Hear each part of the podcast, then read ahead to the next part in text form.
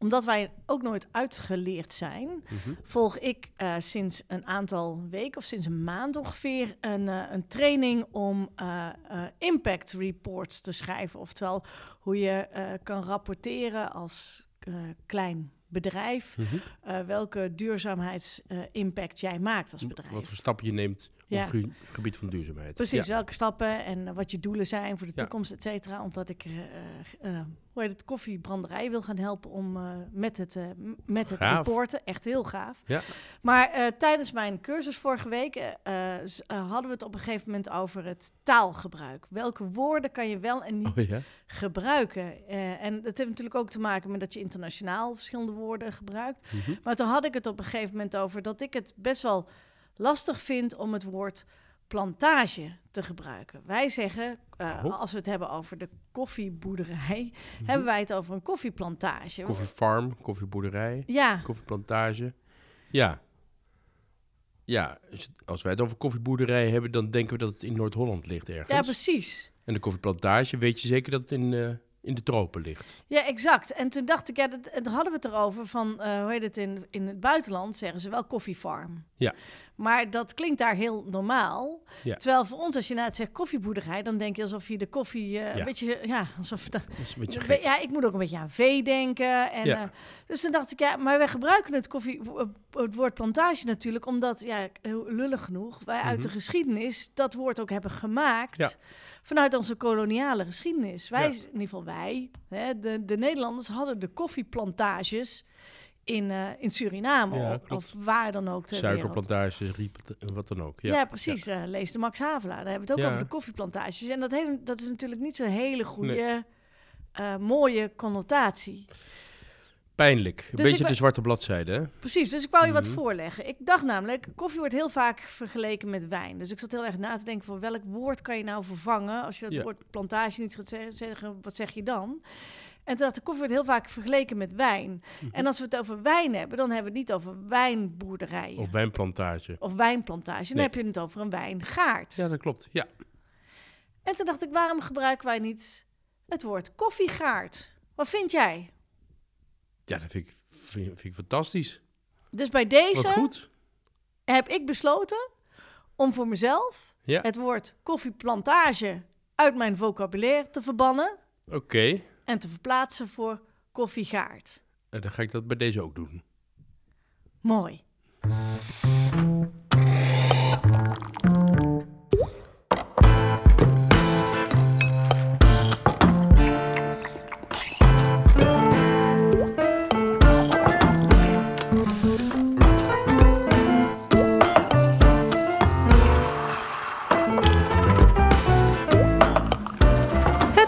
Koffiecollege, de podcast waarin je alles leert over koffie. Hartelijk welkom. Leuk dat je weer luistert. Je luistert naar Brechtje Debe, de duurzaamheid in de koffie-expert. En Joost Leopold, de koffie-expert. en eh, eh, wij gaan weer een, eh, een nieuwe aflevering maken. Of wij zijn, dit is weer een nieuwe aflevering van het, Van het reisprogramma. van het reisprogramma. de reiseditie van het Koffiecollege. Wij nemen je iedere keer mee op een koffiereis. Ja, waar zijn we al geweest? Brazilië, Ethiopië, Costa Rica, Peru. Peru, Indonesië. Ja, wauw. We hebben al vijf landen gedaan. Ja, en het gekke is, ik heb persoonlijk in die landen nog geen voet eh, op de plantage gezet. Maar... Ik wel. Ethiopië. Ja, jij wel in Ethiopië. Maar we zijn samen in... Kenia, Kenia geweest. geweest. En eh, dat was voor mij was dat mijn allereerste eh, plantage, ja. Ja. bewuste plantageervaring. Ik ben wel eerder in Azië op een koffieplantage geweest, Ja. maar toen was ik nog niet met koffie bezig. En dit was de eerste keer dat we echt naar een plantage gingen en ook echt een Ja. rondleiding kregen Ja. en eh, ja, echt van alles hebben gezien. Ja. En dat was ook de eerste keer dat bij mij letterlijk het ko- koffiekwartje viel. En sindsdien zeg ik altijd, ik wil dat niet programmeren zijn of zo. Maar ik zeg altijd, als je in de koffie werkt en je maakt van koffie echt je beroep... dan moet je eigenlijk op zijn minst één keer in je leven naar een plantage zijn. Ho, ho, ho, ho, naar, naar een een koffiegaard zijn. Koffiegaard zijn Zie, Ik moet, ik moet er zelf nog aan Ik moet wennen. er even aan wennen, ja. Ja, maar je corrigeer me als ik het fout Ja, doe. Goed dat je het koffiegaard. zegt. Nou, dus Ja, voor mij is dat precies zo. Eh, ik vertel al jarenlang over hoe ingewikkeld het is om goed geproduceerde koffie vanaf de koffiegaard als het ware naar Nederland te krijgen om hier te, te branden en te verkopen. Ehm, maar het gaat pas echt leven als je daar bent, als je daar ruikt. Eh, De struiken ruikt als het ware met een mooie bloesem. En eh, eh, als je daar ziet hoe ongelooflijk veel werk het is om een eh, koffiebes als het ware te plukken allereerst en daarna het pitje eruit te krijgen en hoe lang dat duurt voordat je de volgende stap kan- pas kan zetten. Ja, en ook wat, wat die volgende stappen dan ook zijn. Hè? Dat, dat er dus verschillende stappen zijn. En wij zijn daar ook in de, eh, ja, in het, zoals ze dat noemden, de marketingkantoor of de middleman geweest, het Ja. handelskantoor, waar alle koffies geproefd werden. We Ja. zijn in de loods geweest, waar de zakken opgestapeld lagen. Gigantisch grote Het loods. is waanzinnig. Ja. En nu door de coronatijd eh, hebben wij eh, geen eh, fysieke reizen meer gemaakt de Ja. afgelopen jaren. Maar ja, we zijn wel van plan om ook binnenkort weer wat Ja. schoolreisjes te gaan organiseren naar mooie landen. Heel graag, ja. Want ja, nogmaals, als je in de koffie zit, dan moet je het een keer hebben meegemaakt. ja, dan gaat het pas echt voor je Ja. leven. Maar nu nemen we je even mee op reis in gedachten, doe je ogen dicht, naar Kenia. Kenia.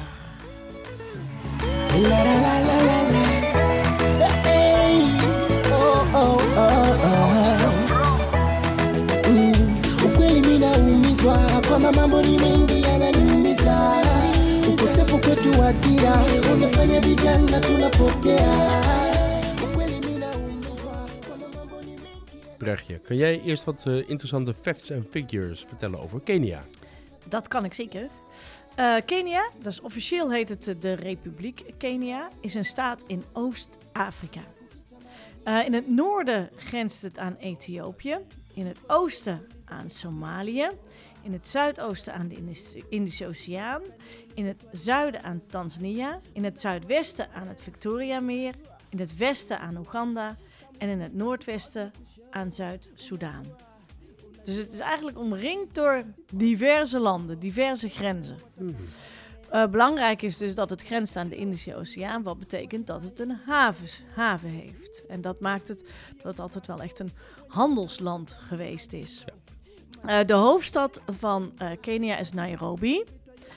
En ehm, eh, hoe heet het? er wonen ongeveer 53, de, eh, 53 miljoen inwoners in, in Kenia. Dat is behoorlijk eh, veel. De officiële taal die ze spreken is Swahili en Engels. Ik kan wat Swahili trouwens. Oh ja? Raka raka haina baraka. En dat betekent... Oh nee, dat is niet Swahili, dat is de lokale taal. De Swahili is pole pole ndiomwendo. En dat betekent... Haastere spoed is zelden goed. Dat vind ik een hele mooie. Ga door. Ehm, iets over de geschiedenis. Mhm. Eh, tot 1500 na Christus waren het vooral de Afrikaanse migranten die zich in Kenia vestigden. Dus toen ja, trokken er eigenlijk over het Afrikaanse continent gewoon heel veel rondreizende ja, boeren en, en, eh, en eh, hoe heet het, herders, et cetera, met hun gezinnen. Na 1500 zetten de Portugese handelaren hun voet aan wal en waren zij als het ware de eerste kolonisa- kol- kolonisten.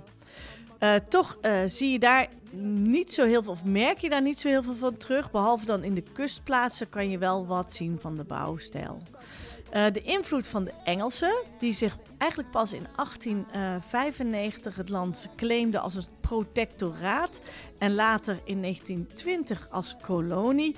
Die invloed van die Engelsen is veel meer zichtbaar en merkbaar aan de cultuur in het land. Zoals ik al zei, de tweede taal van, eh, van eh, Kenia is dus ook Engels. Dus iedereen spreekt daar behoorlijk goed Engels. Maar je ziet bijvoorbeeld ook dat gebruiken als het drinken van thee is ook heel erg ingeburgerd in, eh, in Kenia. En vooral dan in de midden- en hogere klassen. Pas in 1963 is Kenia onafhankelijk verklaard. Dus vrij laat nog na de oorlog. Daarvoor, eigenlijk tijdens de Tweede Wereldoorlog, was Kenia nog in handen van de Engelsen. Nu is Kenia een presentiële, representatieve, democratische republiek. En dan moet je even, Maar- nou ja, noem, eh, ja precies, eh, zeg het maar. het land heeft een lager middeninkomen-economie. Dat betekent dat het geen heel arm land is, maar ook niet een superrijk land. Eh, en, van de, en ze leven eigenlijk met name in ieder geval qua export van de export van koffie, thee en bloemen. En eh, vooral als je, eh, dat wist ik ook niet voordat ik in Kenia kwam, de rozen die wij hier in Nederland eh, op de tafel hebben staan, een heleboel van die rozen, die komen uit Kenia. Die hebben we gezien. We hebben daar heel veel kassen gezien vol met rode rozen. Ja, precies. Dus heel veel rozen komen uit Kenia. Ja. Tijdens het begin van de 20e eeuw werden de centrale hooglanden in het binnen- binnenland bewoond door Britse en andere Europese boeren die welvarend werden door de koffie en thee te gaan verbouwen. Dat waren dus wel plantagehouders. Zij werden wel degelijk plantages, waar zij dus inderdaad eh, eh, ja, ook met slavernij als het ware de koffie en thee eh, wisten te verbouwen. Een voorbeeld van deze periode van verandering vanuit het perspectief van de kolonisten is te vinden in de memoires Out of Africa. Misschien Ja. ken je die wel. Meryl van, Streep en ja, van de. Deense, Deense auteur barones Karen von Blixen-Finneken. Ja. En Karen von Blixen die woonde dus ook in Kenia en die had dus ook een koffieboerderij. En dat verhaal over die koffie... eh, die koffiegaard Mhm.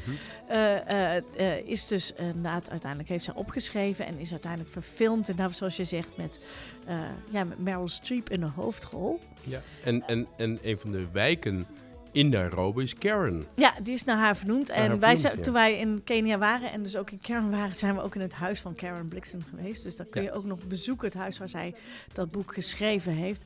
Heel romantisch, maar uiteindelijk ja, is en blijft een eh, koffie.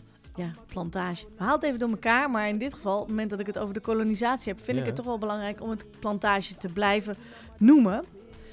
Ehm, ja, zoals ik al zei, er zijn uiteindelijk. eh, Koffie is natuurlijk ook niet oorspronkelijk van Kenia. Dat komt natuurlijk van Ethiopië. Dus, maar er zijn dus heel veel boeren die zich hebben gevestigd in Kenia en plantages zijn begonnen. Op dit moment zijn er nog 150.000 koffieboeren in Kenia te vinden. En eh twee derde van die boeren heeft een kleine koffiegaard. Oftewel, dat zijn de zogenoemde smallholders. En een derde van die boeren heeft een grote koffiegaard. Oftewel, de meeste boeren die hebben nog steeds ehm, ja, een klein stukje land waar zij hun koffie op eh, groeien, eh, laten groeien en daar hun zakjes in leveren. Inderdaad, voor de verkoop van en verbouw van koffie. Ja. Ehm, waar die koffie groeit, volgens mij, Joost, daar kan jij misschien wat Ja, over vertellen. zeker. Vertel eens iets over de koffie. Zeker. Waar kan je in, eh, in Kenia koffie vinden? Goed, ik zal je alles vertellen over koffie in Kenia. Leuk. Ook al is Kenia een buurland van Ethiopië, waar de herkomst van koffie ligt, toch is koffie pas zo'n duizend jaar later naar het land gebracht. Ehm, als eerste door de broeders van de Franse Orde van de Heilige Geest. Ja, de broeders namen de koffie mee vanuit Réunion, dat is een klein eiland vlakbij Madagaskar. En dat was van de Fransen. Ja, precies. En eh, zij namen de koffie mee naar hun abdij in Nairobi. Of naar een van de abdijen die de monniken hadden in Nairobi. En zo is de koffie met de French Mission, zoals het heet, is naar, eh, in- naar Kenia gekomen. Dit was rond 1893. Oké.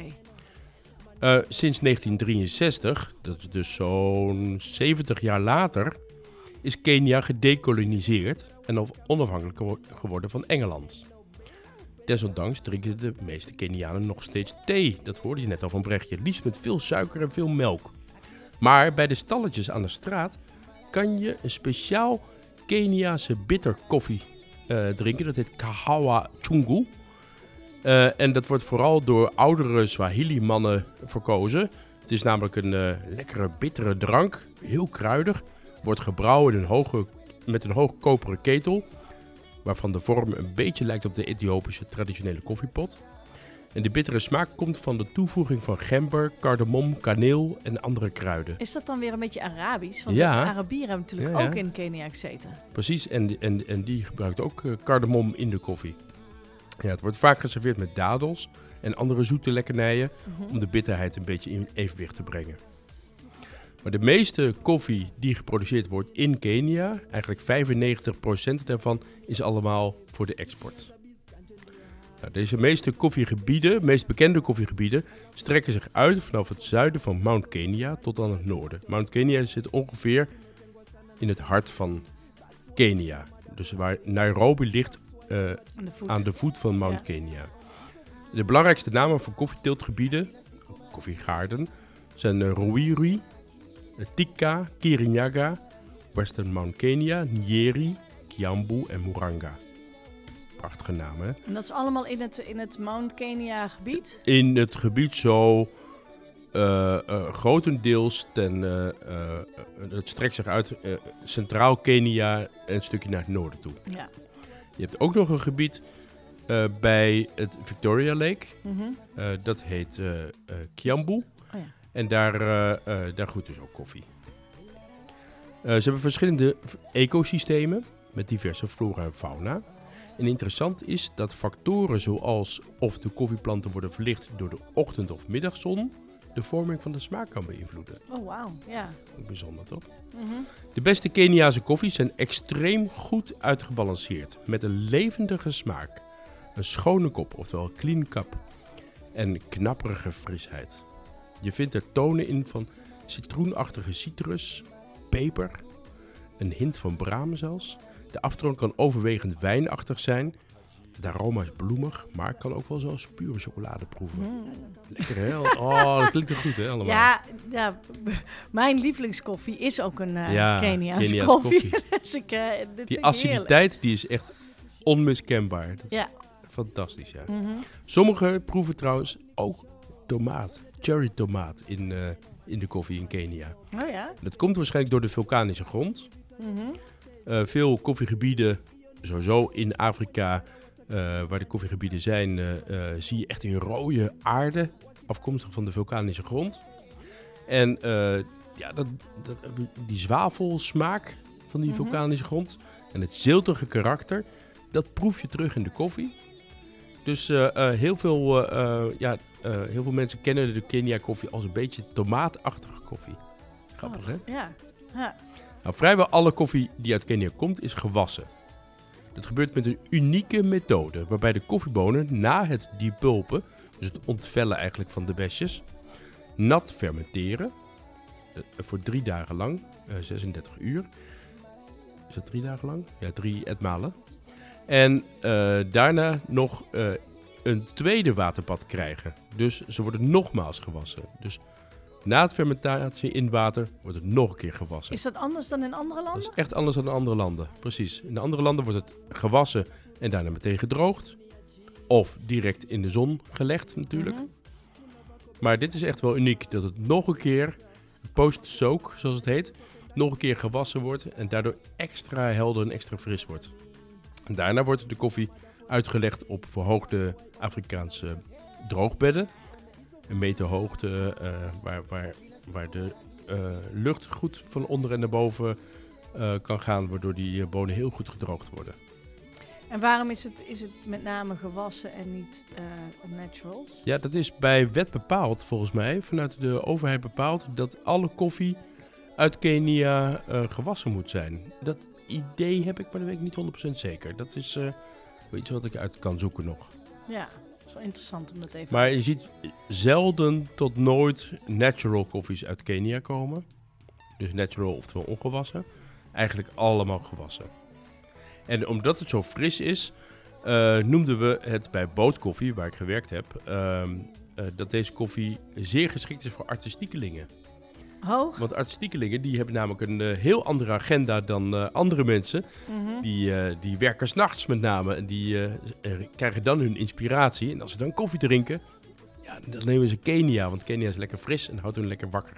oké. Mooi toch? Ehm, de voornaamste variëteit, de koffievariëteit in Kenia is Arabica. Een Ja. heel klein beetje Robusta. En dat is dan de Timor, hybride de Timor. Ze hebben toch ook trouwens van de, van de je zegt er wordt in, in, in, in Noord-Kenia, of in ieder geval in, in die Mhm. bergen wordt dan koffie gekweekt en aan het Victoria Lake. Maar ze hebben toch ook nog wat in het zuiden ook nog wat laag, eh Ja, lagere dat zal dan die, eh, die Timor zijn, lijkt mij. Ja, dat Ja. denk ik ook, want maar daar het is niet veel hoor. droger. Meeste, meest gangbare is de Arabica koffie wat gebruikt wordt. Ja, En als subvariëteiten is het natuurlijk bourbon, afkomstig van die French Mission. En eh, cultivars, oftewel gekweekte ondersoorten van de bourbon, om de koffie nog weerbaarder te maken tegen invloeden van buitenaf, zoals koffieroest, droogte enzovoort.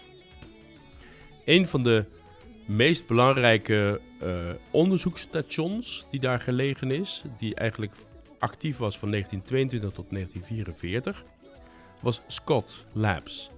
Misschien wel eens wat, eens van gehoord. Mhm. Scott Laboratory is dat. Dus ze waren al heel vroeg bezig met onderzoek. Ja. daar. Eh, in eerste instantie hebben ze die, dat laboratorium opgezet om eh, Kenia's koffieboeren te onderwijzen. Maar ze hebben dat ook gebruikt, dat onderzoeksstation ook gebruikt, om eh, nieuwe koffiesoorten te kweken. En eh, SL34 en SL28 zijn de twee meest voorkomende ondersoorten. Maar ook, SL, eh, ook K7 en Ruiru 11 en Batian zijn daar ontwikkeld. Dus dat zijn koffiesoorten die je veel tegenkomt op de Keniaanse koffie. Als je, als je kijkt naar de, welke variëteiten het precies zijn. Want wat ik heb begrepen is dat er in Kenia ehm, best wel veel dat boeren veel last hebben van de klimaatverandering. En ja, met name de gevolgen van de klimaatverandering, namelijk de, eh, de pests, oftewel de, de plagen, de insectenplagen en de de, droogte. en de droogte, Ja. maar ook de, de, de ziektes, de, de bladroest en zo. Ja, ja daar is die eh, SL28 speciaal voor ontwikkeld. Voor die, voor, om, omdat, Om die droogte de baas te kunnen. Want zelfs al is het droog, dan nog zie je besjes aan die plant zitten. Mhm. En zo kan de plant jarenlang, zo zegt het verhaal, jarenlang eh, geen regen krijgen. Dus in droogte staan. Ja, Ja, en dan nog kunnen ze die plant weer opnieuw opwekken, als het ware, om weer opnieuw weer oogsten te gaan geven. en hoe komt dat dan? Ja, dat is een ongelooflijk weerbare eh, plant. En het heeft ermee te maken dat die wortels veel dieper zijn dan andere wortels. Dan heeft dat ook te maken met het feit dat, in ieder geval wat ik dan weer las, Mhm. is dat ze in eh, Kenia eh, heel veel doen aan enten. En dat daar waar je normaliter als een plantage wordt ehm, besmet met een ziekte, hè, Mhm. dus met bladroest, dat is een soort ja, corona onder de, onder de, de koffieplanten. Oftewel, het is heel besmettelijk. Ja. En als je dat hebt, dan worden je blaadjes worden bruin, geel. En Oh, dan, ja. dan kan er geen fotosynthese meer plaatsvinden. Ja. Als er geen fotosynthese meer kan plaatsvinden, kunnen er geen besjes aan groeien, et cetera. En dan gaat hij dood. En die ziekte, die, die woekert over een plantage. Maar ehm, als je dat vroeg de baas bent, dan kan je dus met eh, meer, er zijn dus ook meer weerbare variëteiten tegen die bladroest en tegen die ziektes. Die kan je dan enten op die stammen van die ehm, eh, S, wat was het? S, SL28. SL28. Ja. En dan hoef je niet je normaliter moet je hele plantage dan, of je hele, je hele eh, al je koffieplanten uit de grond halen. Maar dat hoeft dan niet. Je hoeft eigenlijk. Hebben, hebben wij dat niet gezien op die plantage? ja, dat hebben wij gezien. Wat ze Ja. daar dus deden was, ze hadden dus hele oude Ja. struikstammen. Stammen die er eigenlijk nog waren van toen... toen Ja, volgens mij stond eentje was er echt was er eentje van 100 jaar oud. ja inderdaad, ja. En daar, die, daar groeide een hele nieuwe variëteit op. Ja. Want hij was eigenlijk als het ware een soort kaal gemaakt. En vervolgens hebben ze daar dus een nieuwe variëteit tegenaan geënt. En Bizar die variëteit kan, die kon daarop doorgroeien. En omdat die wortels al dus zo ontwikkeld zijn, groeit zo'n eh, struik sneller en krijgt hij weer sneller oogst. Waardoor Ja, je volgens niet... mij was het maar een jaar of twee jaar Ja, zoiets. En dat hij dat hij nodig had om tot, tot wasdom te komen in plaats van normaal vijf jaar of zo. Exact. Ja. En dat is natuurlijk voor een, een gaardhouw, voor een koffieboer natuurlijk ideaal. Want anders moet je vijf jaar wachten voordat je eh, kleine seedling, je kleine, kleine hoe heet dat? Eh, een zeiling. zaailing, eh, uitgegroeid is tot een oogstplant. Ja. Dus dat is, en dat zie je daar veel. Ze we hebben daar natuurlijk heel veel onderzoek. En dat is wel mooi. Hè? Volgens mij, ik heb het idee dat Kenia daar wel echt wat meer in vooruit Mhm. loopt. Ja, we zijn toen nog naar een onderzoeksuniversiteit geweest. Ja, de kut. De kut. ja. Sorry voor het woord. Sorry voor taalgebruik, maar het eh, heet Het het, heet de Keniaanse. Universiteit. t- Eh, t- zoiets. Die thee weet ik niet meer over. Nee. Traders of zo, geen idee. Maar die hadden een, eh, een, een, een laboratorium waar ze dus inderdaad dit ook allemaal aan het, aan het doorkweken zijn. Het enige nadeel is, ze hebben best veel kennis al daar. Het enige nadeel is, hoe komt die kennis bij de koffieboer? Er Mhm. zijn maar weinig koffieboeren die ehm, de mogelijkheid hebben, dan wel weten dat ze met hun plantjes naar die universiteit kunnen gaan en kunnen checken of er iets aan de hand is met hun plantjes, of, Mhm. dat, hun, of dat ze wel de juiste variëteiten kweken, et cetera. Dus dat, dat is nog wel een dingetje, dat daar ja, dat de, de kennis nog niet altijd bij de juiste ehm, partijen terechtkomt. Maar ehm, ja, eh, maar je hebt daar toch ook coöperaties Ja, die daar, eh, je hebt daar ook, wel mee bezig ja, precies. Het is niet zo dat niemand dat is, maar dan moet je verenigd zijn bij Ja. een coöperatie die dat wel doet. Ja. En eh, dat is, dat is, eh, en dan kan je wel aan die kennis komen. En ook bijvoorbeeld, ehm, als je verenigd bent bij een coöperatie, dan kan je bijvoorbeeld ook je laten certificeren. En zo heeft Fairtrade heeft ook een speciale Climate Academy in Kenia opgezet Oh ja. voor alle Fairtrade boeren. Die ehm, dus ook last hebben van klimaatverandering. Ja, En eh, die kunnen dan daar les krijgen hoe zij hun, hun, hun, hun, hun gebied eh, en hun, hun planten, zou ik maar zeggen, weerbaar kunnen. Was dat niet- met zo'n weerman die... eh, Ja, Ren, Renier van den Berg, onze, onze Ja, eigen precies. weerman, RTL-weerman, die Ja. is ambassadeur van, van de Climate Ja. Academy. En het is een soort combinatie ook met, in ieder geval vanuit Nederland gesponsord, eh, door eh, onder andere ook de Postcode Loterij. En ik weet niet, mocht je, mocht, je, Tuurlijk, ja. mocht je ooit een keer de koffieprijs winnen in de koffie Postcode Loterij, dan is dat, eh, dan is dat, dan is dat koffie die is geproduceerd door boeren Ja. die dus inderdaad bij die Climate Academy zijn aangesloten. Of in ieder geval, dat geld daarvan gaat weer naar de Climate Academy. Rode pakjes krijg je dan. Ja, coffee to stay. Oh, dat was het, ja. Coffee to stay. Ja. Niet Coffee coffee to to- go, maar coffee to coffee stay. to stay. Weet je dat trouwens ook eh, Japanners helemaal wild enthousiast zijn van Keniaanse koffie? Is dat zo? Ja, dat is echt bizar. Maar Japanners zijn met name geïnteresseerd in Keniaanse koffie vanwege de Mount Kilimanjaro. Want? Want die lijkt zoveel op de Mount Fiji, Fuji. welke ten zuidoosten van, eh, of zuidwesten van eh, ligt er- Tokio ligt. Ja, maar de Mount Kilimanjaro ligt er in Tanzania. En in Kenia. Ook in Kenia? Ja, ja. Oh, de andere kant. Ja, de andere kant zit in Kenia.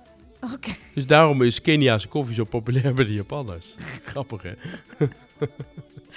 Oh ja, nou ja dat, Heel generaliserend, hoor. Zo, Maar ja, zo eh, kan je het hebben. ja, Wat ik, wat ik trouwens ook nog wilde zeggen is... ehm, eh, eh, los van het feit dat het natuurlijk hele lekkere koffie is... is Mhm. ehm, waar we nog niet over... Waar we, wat in ieder geval nog niet verteld hebben... is het feit dat... eh, ehm, we hadden net over de, de, de kolonisatie. ja. En eh, dat koffie, eh, dat in ieder geval, de, hoe heet het, eh, Kenia in 1963 eh, v- een vrij land is geworden.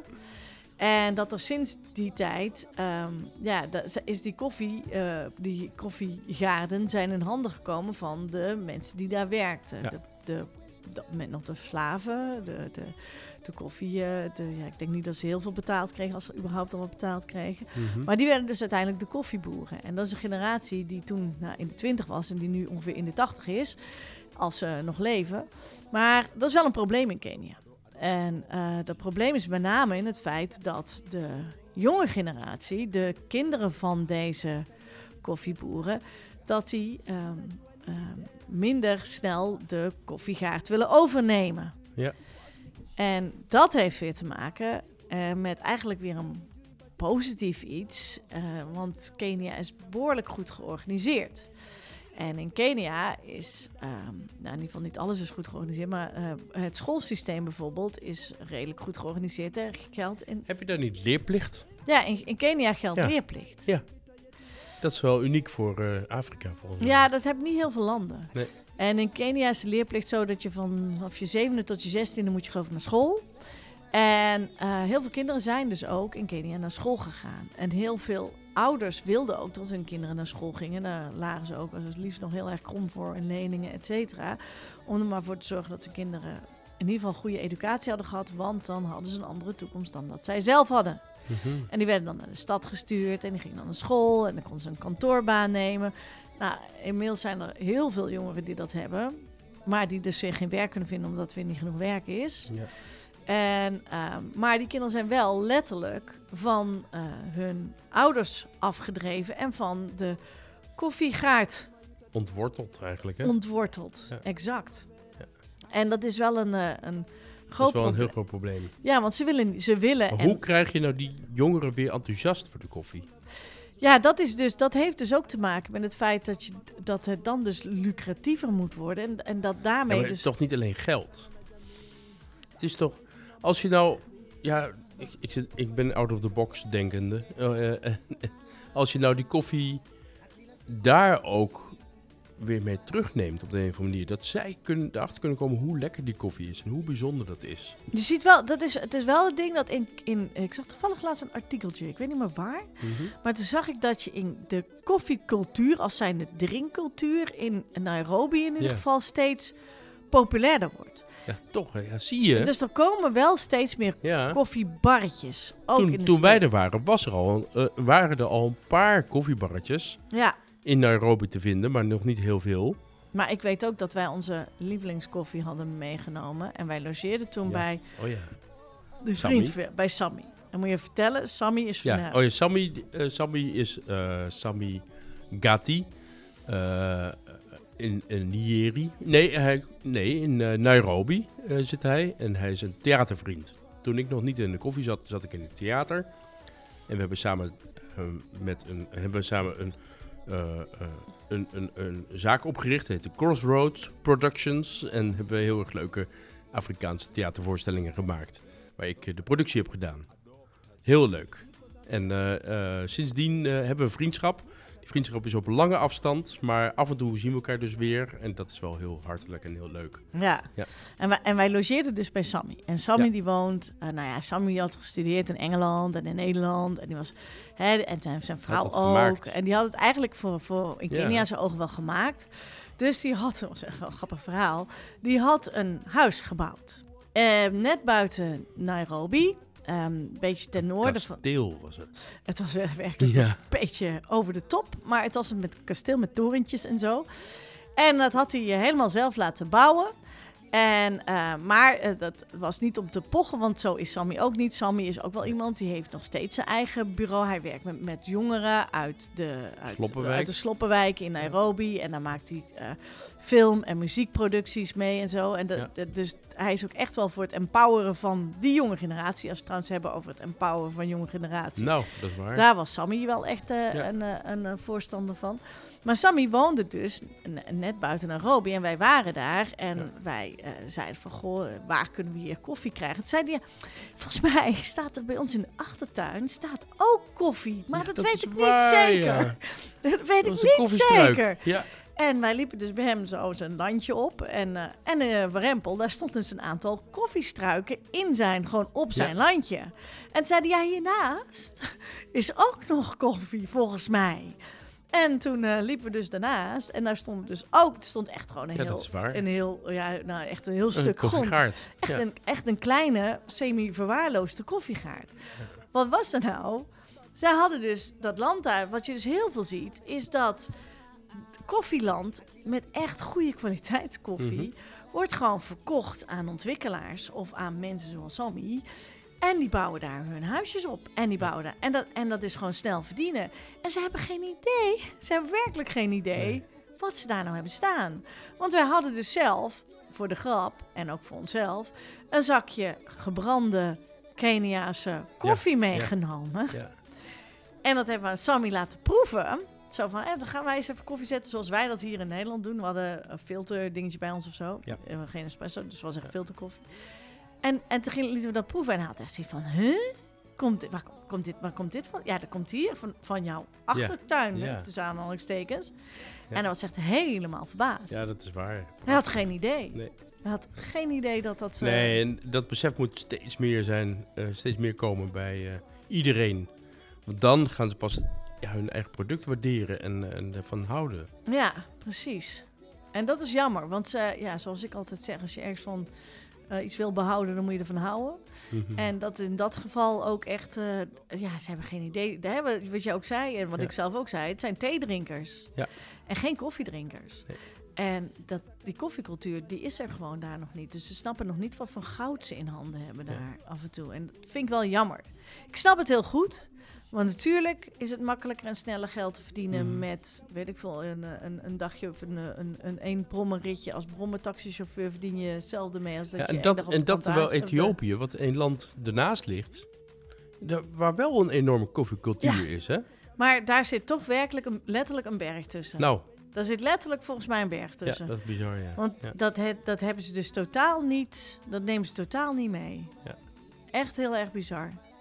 Maar ik vond het wel echt een heel eh, bijzonder land om te zijn. En ik Ja. denk dat het, eh, dat het ja, dat, er, is nog gewoon, er is nog gewoon een heleboel te veranderen. Maar je ziet ook wel dat het een land is waar sommige dingen wel kunnen en sommige dingen niet kunnen. Mhm. Ik weet ook dat eh, de grote koffiehandelaren en de het grote koffiehandelshuis er ook niet op heel erg op staat te springen dat, er, eh, dat alles zo verduurzaamd wordt. Want dat zou voor hun ook veel geld kosten. En zo dus zit ook heel veel.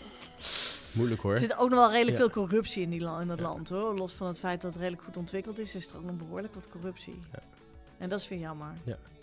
Nou, als, als luisteraar moet je natuurlijk wel ehm, ja, die koffie leren kennen. Ik heb, Ja. eh, ik heb even onderzoek gedaan. Ehm, de specialty koffie eh, merken, die jullie vast wel kennen, die eh, hebben meestal wel Keniaanse koffie, maar niet allemaal. Keniaanse koffie is niet hele, heel erg veel overal te vinden. Dus eh, als je een, een bootkoffie als favoriete specialty koffie leverancier hebt, dan vind je daar geen Keniaanse koffie. Maar ik heb even wat onderzoek gedaan en Single Estates heeft Keniaanse koffie en Roombaba in Amsterdam en Cafe Nation uit Antwerpen. Dat zijn eh, een aantal partijen die eh, Keniaanse koffie bieden. En eh, ja, kijk eens even bij je eigen lokale koffieleverancier en doe vraag ernaar. Of vraag of ze wat Kenia's koffie willen inkopen. Ja, Want dat is echt wel, dan heb je echt wel goud in handen. het is echt, ja, wat ik zeg, het is een, voor mij is het mijn lievelingskoffie. Ja. En eh, ehm, ja, dat, dat is En- echt en eentje hoe- die ik hoe, kan eh, hebben. En hij, ja, ik vind hem het lekkerst als filterkoffie. Ja, ik ook. Chemex bijvoorbeeld, of eh, in, een, eh, ehm, in een V60. Gewoon lekker om die helderheid, die frisheid goed naar voren te kunnen brengen. Mhm. Ja, dat vind ik het lekkerste. Ja, en, en als jij geen, als je naar, een keer naar een origin land wil en je spreekt geen Spaans, dan vind ik Kenia is een heel prettig land, omdat alles ook goed, op zich goed logistiek bereikbaar is. Qua vanaf, de, vanaf Nairobi kom je vrij snel de koffiegebieden in. Heel veel Ja. landen hebben dat probleem dat, dat, dat je heel ver moet reizen. Bijvoorbeeld in Ethiopië moet je echt vrij ver reizen om van... Ja, eh, 12 uur ja. reizen met de auto. Ja, dus de, vanaf, eh, hoe heet het, eh, de hoofdstad... eh, eh, Addis. Addis naar, eh, naar de koffiegebieden te gaan. Bij Kenia is dat eigenlijk re- relatief eenvoudig. Je, bent, ja, je kan logeren in, eh, in Nairobi en vervolgens ben je binnen een paar uur... Nou, natuurlijk ook nog steeds logistiek best ingewikkeld. Mhm. Maar dan ja, eigenlijk net buiten Nairobi, wat ik zeg, de buitengebieden... dat is al waar de koffie groeide. Ja. Dus en dat, eh, en thee, maar dat is En weer een heel ander verhaal.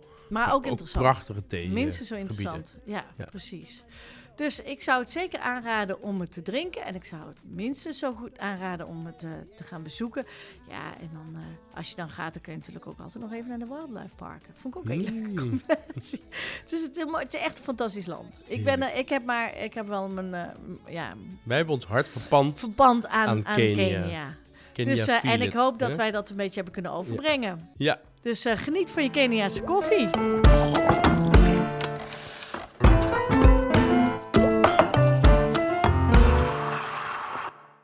hartelijk dank voor het luisteren. En eh, eh, heel leuk dat je weer geluisterd hebt.